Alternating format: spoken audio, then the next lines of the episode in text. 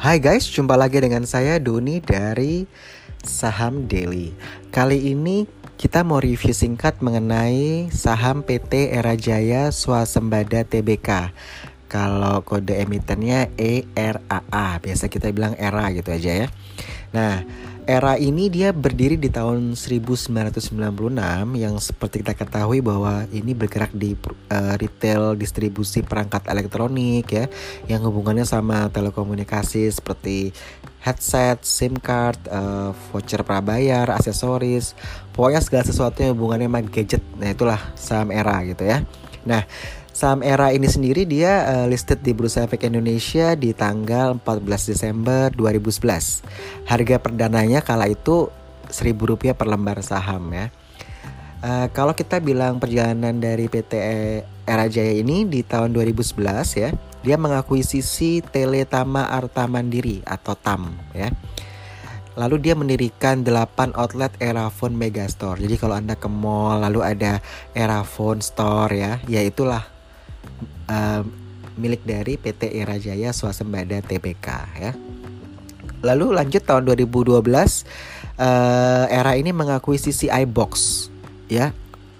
iBox ini perusahaan retail produk Apple. Jadi kalau Anda ke mall juga Anda lihat tuh ada iBox ya. Uh, tenan yang iBox nah itu yang jual-jual produknya iPhone ya itu juga uh, sahamnya dimiliki oleh uh, oleh Era gitu ya. Jadi Era ini mengakui sisi iBox ini lewat anak perusahaannya yaitu PT Data Citra Mandiri atau DCM ya. Lalu dia juga di tahun yang sama di tahun 2012 dia meluncurkan Erafone.com. Jadi udah masuk eranya uh, marketplace ya di Erafone seperti itu. Tahun 2013 uh, total ya era ini sudah menjadi 88 pusat distributor ya. Lalu ada 423 pusat retail ya. Dan bekerjasama dengan Acer, Apple, Asus, Dell, HTC, Huawei, Nokia, Samsung, Sony, Motorola, Asus, Indosat, Excel, Axiata, dan Telkomsel. Gokil ya. Pokoknya semua yang hubungannya sama gadget-gadget ya, yang hubungannya sama elektronik, hubungannya sama telekomunikasi, kerjasama semua sama era di situ ya. Lalu tahun 2014 dia menjadi distributor dan importir dari HP Xiaomi. Nah, yang suka HP Xiaomi ini era ini. Selain memasarkan Xiaomi ya, era ini juga dia memasarkan Huawei, Honor, Vivo gitu ya. Sehingga di tahun 2018 era ini sudah memiliki 936 outlet di seluruh Indonesia, Malaysia, Singapura. Gokil.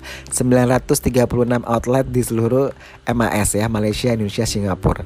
Dan mereka masih punya rencana ekspansi nambah 1500 outlet lagi hingga 2 tahun ke depan. Ya.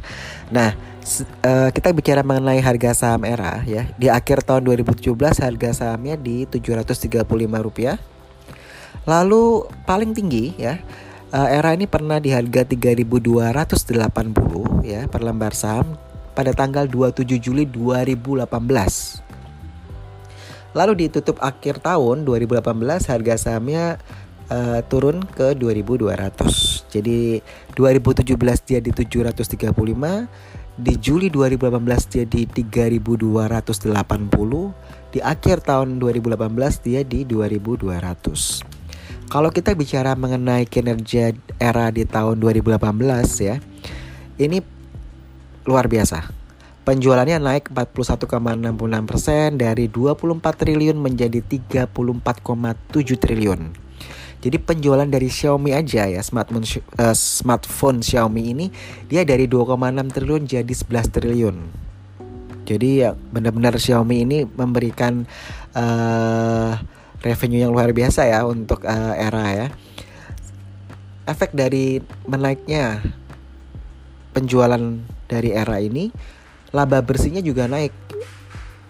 Naiknya tuh nggak cuma 1% tapi 162% dari 339 miliar ke 850 miliar. Wow, makanya saya bilang bahwa di tahun 2018 nih gemilang sekali ya uh, sahamnya era ini ya. Tapi kalau Anda uh, baca laporan keuangannya secara detail, Anda akan lihat ada sesuatu yang uh, maksud saya mengganjal. yaitu di arus kas ya. Kalau Anda lihat arus kasnya dia uh, di aktivitas operasional arus kasnya itu negatif ya selama dua tahun ini dia negatif gitu loh. Uh, di tahun 2017 dia minus 764 miliar. Di tahun 2018 dia minusnya 2,4 triliun. Jadi uh, labanya oke, penjualannya oke, tapi arus kasnya minus jadi tanda tanya kan. Jadi waktu uh, kita baca laporan laba ruginya dari era ini ya, uh, dari segi laporan arus kas juga dari neracanya kita menemukan bahwa di arus kasnya ini minusnya dua tahun berturut-turut loh. Nah, kita akhirnya melihat bahwa oh, ini dikarenakan minusnya arus kas operasionalnya ini dia harus memasok HP Xiaomi ya, sehingga dia kalau orang ma mem uh, memasok itu kan dia harus keluarin uang dulu, beli handphonenya dulu, ya kan, baru dia sebarin ke toko-tokonya dia. Kalau barangnya nggak laku, itu nggak jadi duit kan? Belum lagi ya bahwa uh, handphone itu kalau kita lihat launchingnya ya, itu setiap tiga bulan dua bulan sekali udah ada HP baru dengan tipe yang baru yang lebih advance karena teknologi kan. Jadi uh, kalau uh, barangnya nggak laku dia harus datengin barang baru lagi. Nah itu tumpuk tuh stok-stok lama. Tentu uh, cash flow-nya dijelek ya. Sehingga akhirnya untuk uh, mendanai operasionalnya dia itu era ini melakukan pinjaman ke bank kisarannya 2,4 triliun ya utang jangka pendeknya itu meningkat dari 5,05 triliun menjadi 7,74 triliun. Uh, jadi ini sesuatu yang uh, kita cermati di laporan keuangannya dia ya. Ya tadi karena uh, launching produk baru itu cepat sehingga mungkin tiga bulan kemudian uh, produk baru yang tiga bulan lalu diluncurkan udah nggak jadi menarik untuk konsumen. Begitu. Sehingga ya itu stoknya numpuk di gudang uangnya nggak putar akhirnya mau nggak mau dia harus uh, utang tuh belum lagi biaya bunganya ya Nah, kalau tadi saya bilang harga saham era di 2 Januari 2019 di harga 2200. Nah, as per 10 Mei 2019 kemarin Jumat ya, itu dia 1135. Anda bisa bayangkan loh, 1000 itu 1000 po, 1000 poin lebih dia turun ya. 2200 ya ke 1135. 1065 poin dia turunnya. Itu uh, makanya ketika banyak uh, teman-teman yang tanya ke DM kita di Instagram saham daily ya. Ini sampai kapan turunnya? Sampai harga berapa begitu ya? Karena memang uh, tidak disangka-sangka ya. Sudah 48 persenan gitu loh turunnya ya. Dan itu bahkan sempat ke 900-an sebenarnya slide. Tapi ketika mau nutup dia naik ke 1000 gitu ya. Lalu kita juga bisa melihat ya bahwa di kuartal 2019 penjualan era ini menurun.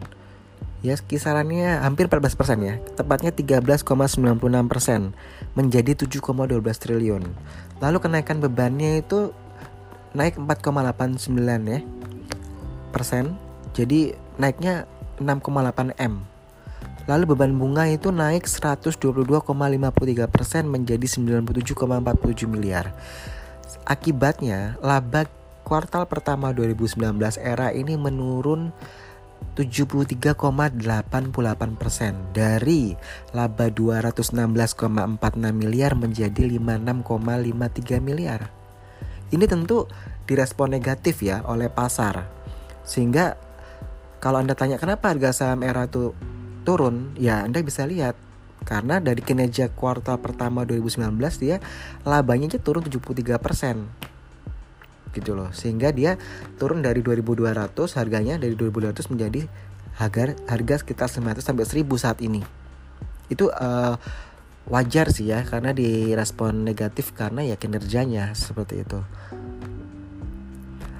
Walaupun kinerjanya seperti itu tapi tetap laba gitu ya cuman uh, turun gitu Salah satu upaya dari era dia mendirikan anak usaha baru yaitu PT Data Tekno Indotama ya di 12 April 2019 yang lalu uh, PT DTI ini dia bergerak di perdagangan software. Jadi uh, mungkin ini salah satu bentuk menyiasati juga ya selain dia jual ponsel dia mau masuk di industri perangkat lunak ya uh, untuk perdagangan softwarenya seperti itu. Nilai intrinsik dari era ini di harga 3052 ya. Tadi harga saham di 10 Mei 2019 harga 1135 artinya ini undervalued tapi dalam fase downtrend. Pernya 4,3, DRnya 1,67, ROE-nya 18%. Jadi ketika 2018 memang penjualan naba semua naik tapi kita melihat juga ada yang namanya resiko di arus kas operasionalnya negatif 2 tahun berturut-turut ya. Lalu hal ini dikonfirmasi dengan di kuartal 2019 ya di mana dia penjualannya turun, bebannya naik, terutama beban bunga karena dia punya pinjaman ya dalam mendanai pembelian uh, ponsel-ponsel tersebut ya sehingga labanya turun. Jadi ketika Anda tanya kenapa uh, saham era turun, ya Anda bisa lihat gitu ya bahwa memang kinerja ini direspon negatif ya. Kinerjanya yang uh, turunnya laba ini direspon negatif oleh pasar sehingga harga sahamnya terkoreksi hingga level 1000 rupiah. Kalau anda tanya kapan kita harus masuk, nah kembali lagi seperti di podcast-podcast sebelumnya. Ketika day trading ya anda lihat volumenya seperti apa ya akumulasi bandarnya seperti apa sehingga anda bisa menentukan kapan saya masuk dan anda membuat trading plan ya. Eh, resistennya berapa supportnya berapa cut lossnya harus di berapa ya. Kalau harga naik trailing stopnya harus dinaikkan sampai level berapa nah itu anda buat sendiri ya. Jadi panduannya ya anda sudah punya master data anda analisa, Anda buat trading plannya, di situlah kunci dari kita trading atau investasi saham. Jadi uh, berkali-kali kita bilang punya master data itu penting, bukan kita jualan ya. Tapi kalau anda trading atau investasi nggak punya master data, nggak tahu nilai intrinsiknya berapa, nggak tahu dia uptrend atau downtrend, anda nggak tahu uh, indikator-indikator rasionya seperti apa ya ketika anda screening saham ya sama aja anda kejebur ke lautan tanpa punya alat selam ya sama saja anda benar-benar kelelep gitu loh jadi intinya ya kalau anda punya master data punya knowledge punya skill nah at least at least ketika Anda trading atau investasi psikologi Anda lebih tertata. Oke, okay? saya Doni dari Saham Daily out.